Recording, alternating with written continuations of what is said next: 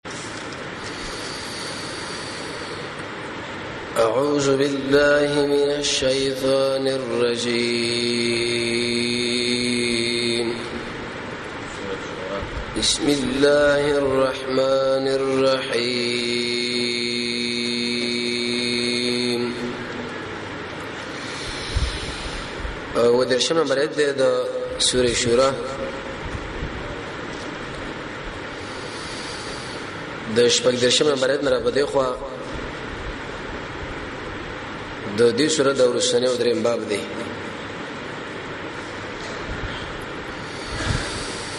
چې اول آیتونه کې الله رب العزت د دنیا به رغبتی ذکر کړه فمتاع الحیات الدنیا الله اذا تاسو چې کوم شی درکړی شوی دا ډېر کم دی په مقابل د هغه شي کې چې کوم باغی دی کې زمونږ د الله سره د شي ته ویل شي جنت به ترغیبا یو نه صفاتونه ذکر کړو د جنت د حصوله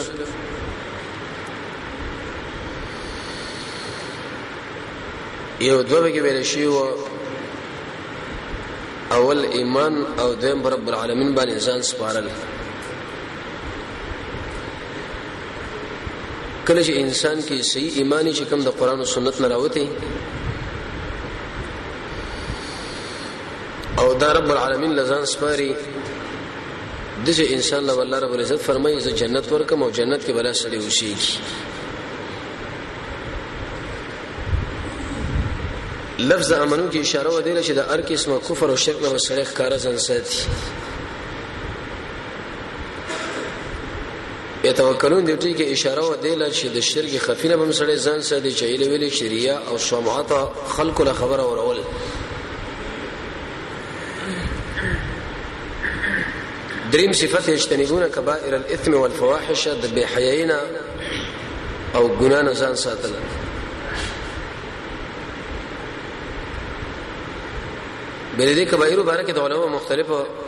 اقوال و شا اویرا جمع کړی دی شا سلور سو دیر شا او شا و نیم سوا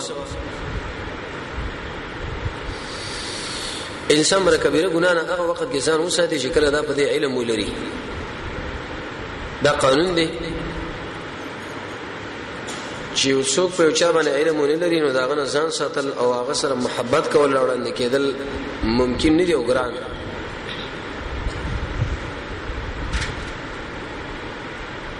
لیکن یو څو دی په دینه باندې بیانو چې زموږ حفاظت رب العالمین وکي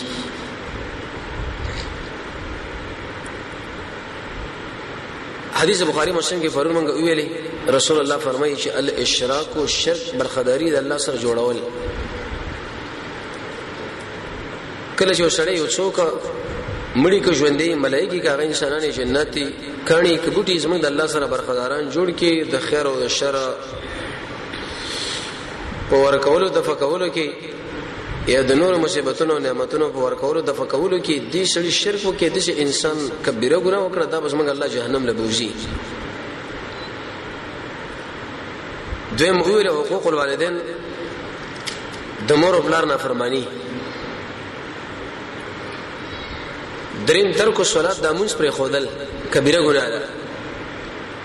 کله چې انسان پکې لټی کوي منه ورسته کوي دا منافق دی قران فرمایي کو پری دی کبیره ګناه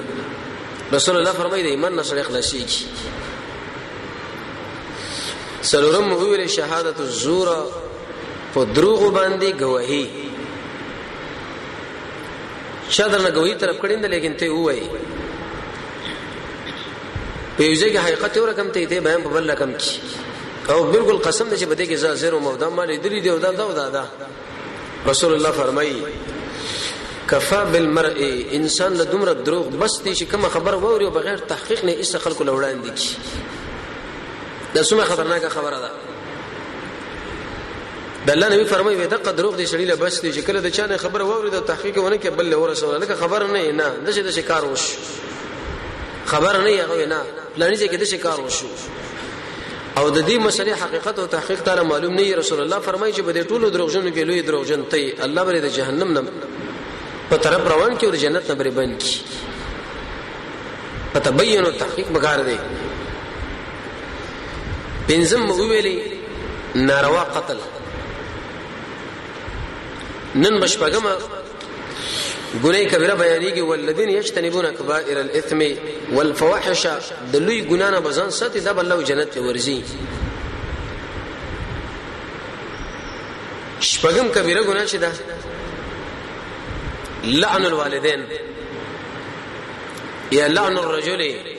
والديه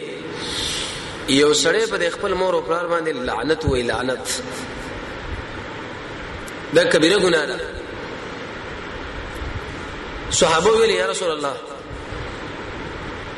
سړی به مور او پلار رسن لعنت وی یو څوک چې پیدا یو غلا لعنت وی دا خو نه کیږي یو زنانه د شهغه مور نارینه پلار رسول الله ملګرو له جواب کې ویلي وی مور او پلار باندې لعنت او کنزل دی لوي شي ته شکل د بل چا په مور او پلار باندې لعنت او کنزل وای هغه سم مور او پلار له وکی دا په حقیقت کې تا خپل مور او پلار له کنزل وکړه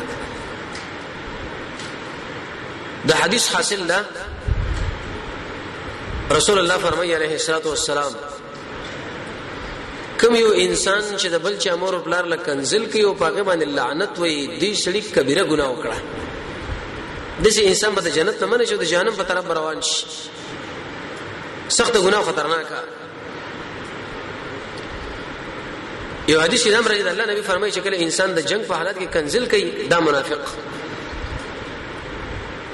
ابن ابي مليكه فرمایي و ادرکتو ما د محمد رسول الله دیر شمرګری لاندې کړي کتلې مې و چې ټول ځان باندې ریدل چې موږ منافقان نه وو خو چون کې اوس موږ تاسو ځکه نه یریګو ځان بالکل خالص او سچ مسلمان فرض کړی دی چې موږ د ایمان کې ګډوډواله راغلي د صحابه او قوی منونه غو بیریدل حذیفه ابن یمان لا عمر ابن خطاب ویل چې یا حذیفه رسول الله تعالی د منافقانو نمونه خو بیان کړی دی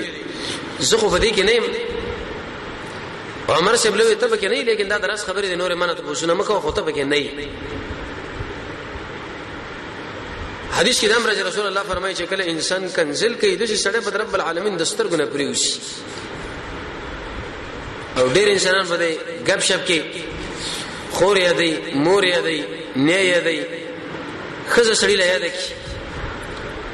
افتخارا یې دی او به خلک دا وی چې لکه دا ډیر آزاد سړی دی هر سړی اوس ډیر محبت ساتي که چا له خور مور یاد کوم څه نه وی رسول الله فرمایي چې بدقه خور مور یاد اول باندې دا سړی منافق دی او د جنت محرومیږي او دسه انسان کبیره ګناه کې راګیر شي ډېر احتیاط به لعنت ویل دا په عامو کافرانو باندې جایز دی چې سړی ویل ان الله اليهود والنصارى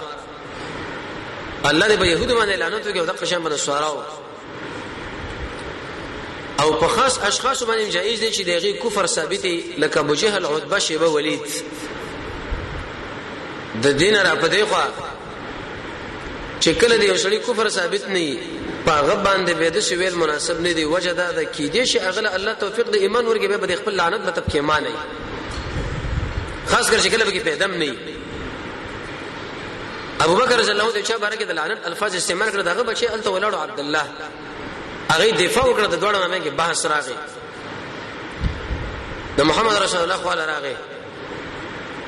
د ابوبکر صاحب جړل چې دې شړي قسمه مخالفت وکړي د الله نبی ورته ویل چې د سمو وایا کله چې د وسړي کفر ثابتي فسق ثابت او سړي پاګه باندې لعنت ویل دا به جایز ولې مسلمان انسان له لعنت نه وایي کو دی ویل رسول الله فرمایي برته تعالی راګرځي او دا دومره سخته ګناه ده د الله نبی په سفر باندې روانو د قافلې نه یو کراونه او بارکه چا دې ته پوښتنه یا رسول الله دا ولې وې دا شکل د کور نه راوته مالک ور باندې لعنت ویلې اسنه چې د دې لعنت ته وجه نسمه د ملګری الله برباد نکي مور او پلار لعنت ویلا د بل چا مور او پلار لعنت ویلا دا انسان بربادي وم حدیث کې راځي رسول الله فرمایي سحر جادو کله چې انسان سحر او جادو کوي د چې انسان مې الله لعنت اجتنبو رسول الله فرمایي ځان وساتئ د و هغه شیونه چې باغې باندې سړی برباديږي او د سړی ایمان په خرابيږي او باغې کې سحر دی امام قرطبي او خاص کر امام رازي سوره بقره کې د وایت په تشریح کې ډیر لسه دولس اقسام د سحر ذکر کړی دي بعض اقسام د سحر داري چې دوی د غیر الله نمونه لره مدد شوازونه ور کوي د خپل شيوخ نمونه لره او د رب العالمین سره په دې نظام او غیر کې شریکان غني دي لویل شي خالص کفر د دې وجه سایران چې کله سحر کوي اهل علم دا فرمایلی سلوي خرج دا خلک په جنابت کې کی کینی به سلوي قدمه د قران په لته باندې وایي د این ورسه به د شي اعمال وګي چې غیر الله د بګر مدد شوی ای سبه د شهر پوښ شي کله چې د شهر پوښ شونه دا به د شي کارونه کوي چې د انسان دماغ ګډوډ کې یو شی بل شي او دا په هر انسان باندې کیږي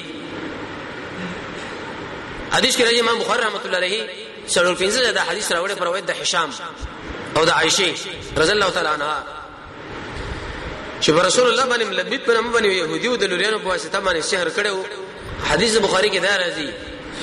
یخیل الیا یو کار به ما نو کړی لیکن دماغ ولا به مې دار هغه شدا ما کړی لري یا یخیل الیه بل روایت کې دار غلی دی د محمد رسول الله دماغ ګډوډ کړی نه و لیکن د شی مرز پر راغی ابن قیم فرمایي چې مرز پر انسان راځي دا خبره به غلطه وي چې بعضې خلک دا وایي لکه ابوبکر اصم په نامه باندې چې دی معتزلي دی چې په محمد رسول الله باندې سیر نه دی شوی که سیر به وشي یو خره کافرانو دعوه ثابته شو چې مسحور رسول الله باندې سیر شوی دا ساحر دی دویم په دې دین د اسلام باندې بزمن اعتماد ختم شي به بدو شي کې دي شي دا د سیر په وخت کې ویلي یو دی ویلي یو دا دریم د هشام او د عائشه په مابین کې انقطاع ده شیخ الاسلام ابن قیم هغه فرمایي وی ارچ هشام دی هغه اعلم او اثبت دی د اعتراض چې په هغه باندې کړی د بیزه دی دیم د شعر جدا جدا معناګان دي تقریبا و معناګانو باندې د استعمال کړی شوی الموصوف القرآنی کې شیخ ذکر کړی دی مشرکین چې شعر اخیسته هغه دا معنی ستا دماغ ګډوډ دی لری لری خوراک کوي او دلته شعر په معنا د مرض دریم امام بخاری رحمت الله علیه دا غروي چې د عائشه به نقل کړي دی هغه د هشام نشوا په نورو طریقو باندې نقل کړي شوی دا یو مرض په سړي باندې راځي به زه له دا شبره چې کله په انسان باندې سحر وشي آیا دا بل سحر خو ورتل شي چې ځان په لری کې برابر کې د دې ګډوډې د دې مرز نه نو محمد رسول الله د دې نه منع کړی دا عليه الصلاه والسلام چې د سحر خو له بنور زی په هغه باندې به دا خپل سحر نه ځای لکه نه به لري کوي دا خو دا غوډه پر نور اسباب برابر شي ابن قدامه په مغني کې او امام احمد ابن حنبل دغه نقل کړی دی چې کله په انسان باندې سیر وشي دغه ډیر انواع دي کله د انسان د دماغ بند کی کله د ژبه بند کی کله قوی شهوانی بند کی کله زړه راقید کی د خپل نه ور بلی الصارم البتار کې بالی شپ لیکلی دی شیخ دې کې رساله هم لیکلې ده د سحر جادو بد نظرین علاج بعضی به د شي اسکار دي چې هغه انسان د سحر نمخ کې استعمالي تر څو پورې د سحر سحر په اثر ونه کوي او بعضی د شي چې کله سړی باندې اثر سحر اثر وکړي نو بعد دغه نه به د استعمال کې موږ الله غل صحت نصیب کی سیدا کله چې در باندې سحر وشو د قران او سنت متشرع عالم لورشه چې هغه ته به هغه عسکرو باندې دم کې چې کوم د محمد رسول الله نه نقل راغلی او بدر ته دم کې د بیرو پانی به کې واچي الله تعالی به صحت نصیب کړي بعض خلک دا و چې د اسیر په دین باندې منګه زته کوو چې د سایرانو مقابله پی وکړو دم ناروا ده د الله نبی دې نه منع کړی دا بلکې په صحیح اسکارو باندې بدا سړی استعمالي او د شاعرانو د شعر نه سړی بری باندې بچکیږي آیت کرسی خاص کر د ورسې سورته وغیرہ د دې وای نو ګویا کې وم کبیره ګناه چې د هغه سحر دی کله چې د دې کاهنانو منترینو تربیتانو خواله وسړی راشي رسول الله فرمایي چې په دې انسان باندې بد الله لعنت دې سړي په قران او سنت باندې انکار او کفر وکي څومره سخت ګناه ده سحر رضان ساتل او بل څه کبیره ګناه رسول الله فرمای الربا اکل الربا سود منهاج المسلم کې لیکلي دي چې لوی سود په سودونو کې د مسلمان بیزتی اسرائیل مسلمان بیزتی وکي یو روایت کې هم راغلي دي سره پاسه اوی جزئی دي سود دي ادنا که یو روپۍ د سود سړی اوخري دا دومره ګناه لري محمد رسول الله فرمایي لکه 15 درش کړه چې د خپل مور سره سړی زنا وکړي اوس ګورئ اول دا زنا حرام ده به د گاونډیانو سره حرام ده به د رشتہ دارانو سره حرام ده به د محارم سره حرام ده به په دې ټولو کې مور لکه پنځه دیش کړي سره سره زنا وکي حدیث کې راځي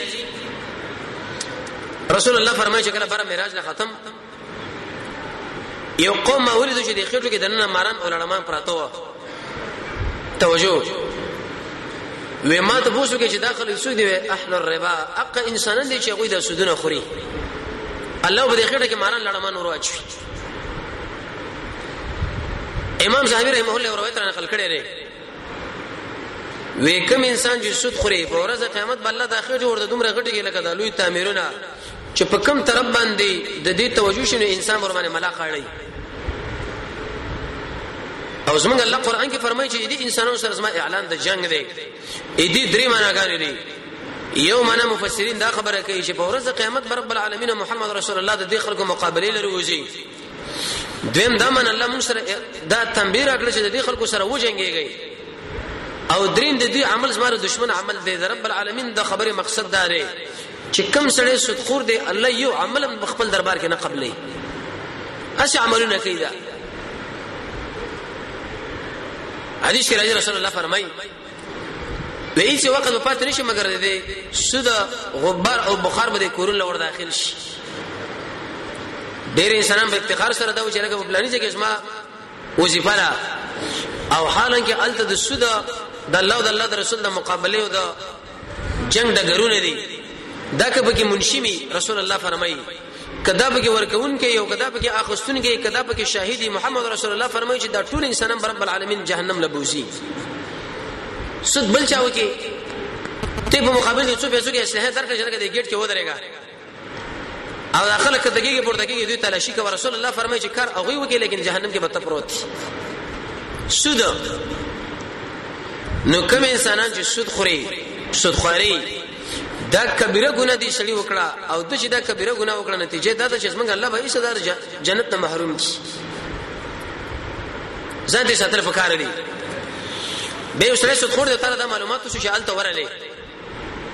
مال به خوري کبه نه خوري صحیح خور علماء دا ذکر کړی چې ځان ته بن کا کاغه تنه ته پوښتنه کې چې لکه دې کې برخه والا د شي جواب وکړي چې زه طبيب منه کړم الله رسول زموږ سره طبيب دی مونږ یې منه کړی لیکن که شرط به کې ګیر رااله خوراک دی وکي تعالی معلومات نه وو د خوړو شیخ الاسلام ابن تیمیه رحمه الله فرمایي چې به د دې سود کوونکي په حلال مال کې الله تعالی دا خوراک حسابي خو کوشش بدا کوي چې انده به ناراضي داغه دوه قسمه مال دی یو حلال او بل حرام طالب دا په حرامو کې حلالو کې حساب شي خو په دې شرط باندې چې انده به خوري نه ځان به ساتي یو بل کبیره ګناه محمد رسول الله ذکر کړی دا التولي يوم الزحف په میدان د جنگ کې د دشمن نه تېښته وغله شا اړوله کله چې یو مجاهد دی سنگر لاړو جګړه شروع شو او په دې وخت کې د شا ورواړه ولا تېښته وکړه رسول الله فرمایي د کبیره ګناه وکړه رب العالمین فرمایي چې په دې انسان باندې زما غضب او لعنت راغی اوس به کې الا مگر دو صورتونه زمونږ الله جدا کړی دی کچیر ته ستا ملګری شهید شو یا زخمی شو ته غواړې چې بل کندک لو بل مرچې لزان ورسې او په دې کې دشمن له شاره واړه ولا منډه دی واخه سبه الله وي پتا باندې اسما لعنت هم نشته پتا باندې بے غضب نشته ځکه دا ضرورت دی دویم یو سړی دی په سنگر کې دشمن سره تکتیک کوي کله ورته وړاندې شي کله ورسره خالد ابن ولید د موته په غزا کې کله چې یو صحابي شهید شو به بل شهید شو به بل د جنگ بیرغ دوا غوسو مجاهدونو باندې کی طرف کسان چپ طرف لواړ ول دا کی طرف لا جنگ بهم کو په دې جنگ جنگ کې لګ لګ راو سکیدل ځکه دشمن زیاتو د یو صحابي په سر باندې تقریبا شپږ شپې تکسان تمامېدل اوس ور حساب کوا چې یو مسلمان په دې ډګر کې او جانب مقابل شپږ شپې د کافرانو دا څومره سخت کسان دي سخت جګړه ده که تکتیک یو سړی کوي یا بلې مرشد ځان رسي نو هغه به جدا دی و الا که چرته نه تکتیک کوي او نه بلې مرشد ځان رسي او نه دا ملګری شهیدان شوی او دا د یری د وجنه نه تکتی یو خو بری سړی باندې الله لعنت ته بده باندې د الله غضب دی او د سړی په کبیره ګناه کې ځان راګیر کی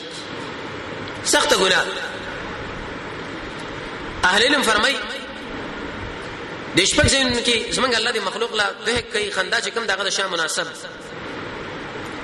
یو هغه انسان چې اول سره ځان رسي دویم چې کله به د کشته کې کینی بسم الله وای چې کله ورخیږي الله اکبر و چې کله وروچتی یو چې کله په سیټ باندې کین الحمدلله به دعا وای به تبسم غوندوي کی زمونږ الله فرمایي چې دا ګور دی وخت کې مال محتاج دریم چې کله ډیر ملګری په لار باندې روان دي او سائل راشي چې لکه د الله په نامه شراکا یو ملګری هم سور نکی او په دې کې یو ملګری ځان باندې کې بلې سپلې باندې یا په بل شي باندې واخ ورا شي غره ورته و چې د الله په نامه دا قبول کو ځه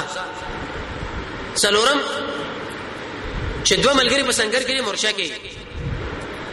یو شهید شو دا بل وای تر څو پرې زه شهید شوی نیم زم ته نه زما دي شړل رب العالمین خان دی کوم چې داغه د شان مناسب او بنزم هغه ناري نه چې هغه په خپل زنانه باندې او بشب نم کې تهجد لري او چې ته یو هغه په غوسه وکي شپږم بالعکس زنانه په سړي بل صفته او بل هغه شی چې سړی په کبیره ګناه باندې راشيږي په مؤمن انسان باندې بدنامه لګول پاک دامن انسان دی نارینه یا زنانه او تا په تهمت او تور ور ولګو تا په کبیره ګناه کې رسول الله فرمایي ځان غیر کی در جهنمینو علامت ده جنتی انسان بدا کار کوي چې هغه به زینه ځان ساتي ځکه مخکې درس کې موږ تقریبا شل علامه خودلې وي قوي ایمان چې بچا کی اول دا جنتی لري په مانځ کې چې عاجزي کې دویم به پهلي مجلسون نزي دریما د فرج حفاظت کې سلورما زکات ورکې پنځما د امانت له حساسه د شپګما د لوس پابندي کوي وم د مانځ حفاظت کوي اتما د خیر تمه خلق لري نه هما او کله چې خلق د وګوري سړي له الله را یاد شي لسما او د ده د عمر په دې ځواني پر دین کې تیر شي ولسم او د شي کارونه باندې دا مکلف شي لګي شي باغې باندې سړی جنت لور شيږي دولسمه د مسلمانانو مابین کې جداواله نه راولي په پاک دمنو خلکو بدنام نه لګي دیر لسمه دله چې کله مشکلات ورسیږي دا ور باندې صبر وکړي او نعمت چې ور باندې وشي دا په شکر وکړي څوار لسمه د مسلمانانو په ژوند کې سم محبت پنځه لسمه ګاونډي ستانه خوشاله شپاړسمه عقب عشا چې درواغ نه وي ولسمه پاک دامن انسان اتلسمه یو سړی لړی اهل عیال رب العالمین ورکړي دا د حلال رزق په طلب کې دین النسمه په معاملې کې نرمي کول شلمه نو موږ په دې شلو کې یو دا خبره ذکر کړه بدنامه په مؤمن باندې نه لګول نو تقریبا یو لس علامه د کبیره ګناه موږ ذکر کړې په دې کې ما اول ویل چې شرک کول دوی مو ویل موږ پر خدای درې مو ویل د مور پلار نه فرمانی څلورم مو ویل په درواغ باندې گواهی پنځم د مؤمن سړي وجله شپاړسم خپل مور پلار باندې لعنت معنی بل چاله کنزله شپږم وم مو ویل سحره اتم هو ویل پاک دامن انسان باندې بدنامه لګول او نه هم هو ویل التولي میدان د جنگ نه تېښتا او لسم هو ویل ربا سود او لسم د یتیم مال خورل قران کې رب العالمین فرمایي چې کم سړی د یتیم د مال خوري الله رب عزت بدله پدې خېټه کې ور واچي او ابن حجر الحیثمی څخه خبره کړې ده توجه وی چې کم سړی د یتیم مال خوري رب العالمین به د انسان به ایمان د دنیا نه بوزي دا څومره خطرناکه خبره تقریبا په دې سره کې یولس کبیره ګناهونه موږ ویلې شرک منځ پر خودل د مور بلار نه فرمانی دروغ گواہی مسلمان وجله په مور بلار باندې لعنت سود کوله میدان د جنگ نه تېښته پکدمون انسانانو باندې بدنامه سحر کوله او د یتیم مال خوراله پسلو کې تقریبا یو لس منګه ویلې دا کبیره ګناهونه دي نو مؤمن انسان به عقل ویلې چې هغه د دین ځان ساتي او جنتی انسان به هغه چې هغه د دین ځان ساتي معنا د یاد بدایي والذین